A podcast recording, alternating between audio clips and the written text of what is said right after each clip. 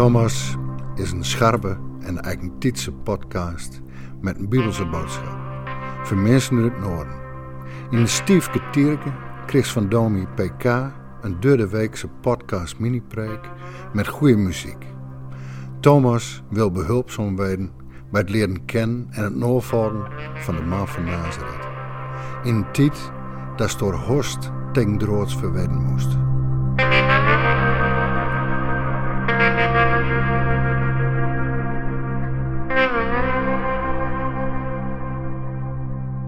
Geen idee of het je al is opgevallen, maar door de coronacrisis lijkt er vandaag een vergrootglas te liggen op politieke leiders. Hoe geven ze leiding in een crisistijd? Blijven ze rustig, eerlijk, transparant? En durven ze ook de moeilijke keuzes te maken die nodig zijn? Over het algemeen worden die leiders gewaardeerd die kwetsbaarheid laten zien, eerlijk zijn, rustig blijven en op grond van wetenschappelijk onderzoek keuzes maken. Ze moeten ook een goede afweging kunnen maken tussen aan de ene kant het belang van kwetsbare mensen en aan de andere kant het economische belang van het land. En ze moeten zich voor hun eigen geloofwaardigheid ook aan hun eigen maatregelen houden. Leiders die juist minder worden gewaardeerd houden zichzelf niet aan de maatregelen, geven anderen de schuld, relativeren het virus en ontkennen de officiële cijfers. Maar hoe geef je eigenlijk geestelijke leiding in de kerk? Wat mag je verwachten van een geestelijk leider in een tijd van crisis? Omdat leiders in de kerk wel eens worden vergeleken met herders, ga je in deze podcast zien hoe een voorbeeldherder geestelijk leiding geeft. Je zult merken dat je daarvoor samen met de hemel oog moet hebben voor wat verloren en kwetsbaar is. Het thema bij deze podcast over Lucas 15, de verse 1 tot en met 7 is: Laat ons weer eens juichen.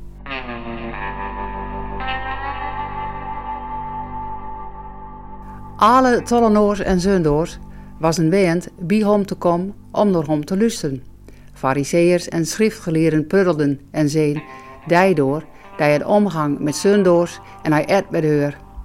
En daar vertelde hij haar deze gelijkenis. Wel van jou, dat honderd schopen het en er een van kwijt wordt, let hij aan de 99 naar in het veld achter en gaat op zuik naar de ene, die er kwijt is. Net zo lang totdat hem vonden het. En als hem vonden het, dan is er blieden en tilt hem op scholers.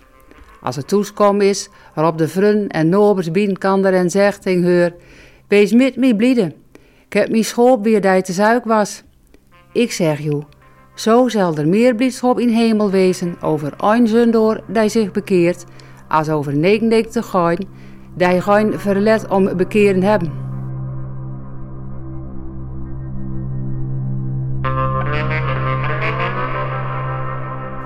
Schakelen in op het moment dat Jezus met zijn leerlingen op weg is van Galilea naar Jeruzalem.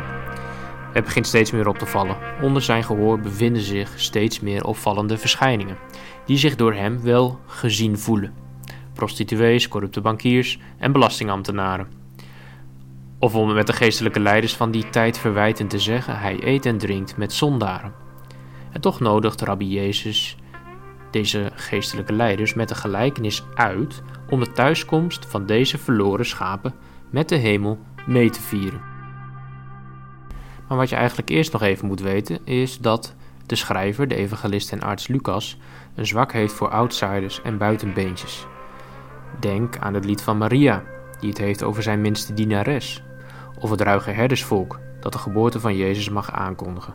Lucas heeft er aandacht voor. Niet voor niets lijkt de uitspraak dat de mensenzoon gekomen is om te zoeken en te redden wat verloren is, de kern van zijn evangelie. En uiteindelijk mondt dat ook uit in zijn tweede boek, het boek Handelingen, waar het goede nieuws ook wie verloren is buiten Israël mag bereiken. Zo laat Lucas prachtig uitkomen wie God is. In Jezus Christus zoekt Hij steeds weer mensen op. God wil mensen bevrijden van zichzelf, ze genezen, de neerwaartse spiraal doorbreken, vergeven en verlossen uit de negatieve sociale verhoudingen. Zo overwint God in het verleden, het heden en de toekomst het kwaad op aarde, door de mens te vergeven en te herstellen naar hoe God hem of haar bedoeld heeft.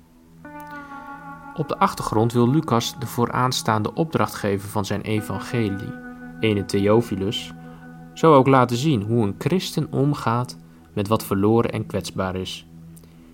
Theophilus was zelf misschien ook wel een politiek leider en zo werd hij uitgedaagd om zelf als leidinggevende Jezus Christus hierin ook na te volgen.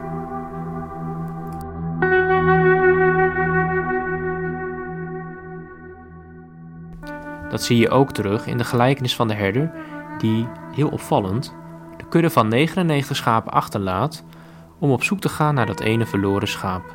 Zonder dat unieke schaap is zijn kudde niet compleet. Met pijn in het hart zoekt de herder. En hij rust pas als hij het verloren schaap gevonden heeft. God verandert in deze gelijkenis voor je ogen in een verloren, vermoeide en dorstige herder die ronddwaalt in de droge en stoffige woestijn. Maar let vooral ook op de reactie in de hemel. Wanneer het verloren schaap gevonden is, de boel barst daar zo'n beetje uit zijn voegen van vreugde op het moment dat het schaap gevonden wordt. Zo graag wil God mensen vergeven, bevrijden en herstellen. En zo groot is zijn verlangen naar een antwoord op zijn liefde.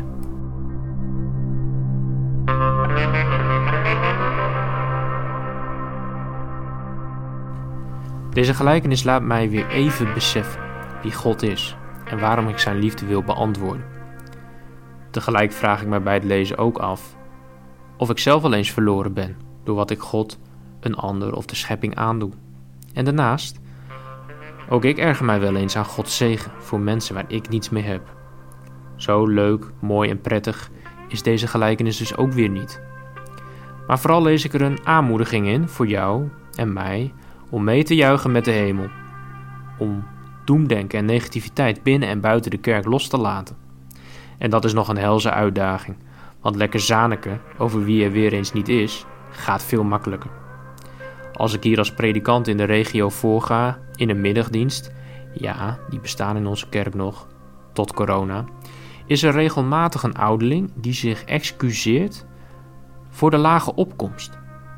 Liever zou ik wat meer hemelse spiritualiteit zien. Vreugde om dat ene schaap dat zo gek is om te komen. Afgelopen zondag stond deze gelijkenis centraal in een bevestigingsdienst. Ik heb de ouderling die ik mocht zegenen gewezen op de goede herder, die zoekt naar wat verloren is. Uiteindelijk worden de schapen gelukkig geestelijk geleid door hem. Maar jij en ik mogen wel meezoeken. Dat is goed geestelijk leiderschap, met de ogen van de goede herder zoeken naar wat kwetsbaar en verloren is en dat verbinden met het verhaal van God. Goed gejat van een bevriende collega, je bent geen herder, maar meer een herdershond. Ik hoop ook dat dat de focus is en mag zijn van geestelijk leiders binnen en buiten de kerk, met oog voor wat verloren is. Dan klinkt in hemel en op aarde, laat ons weer eens juichen.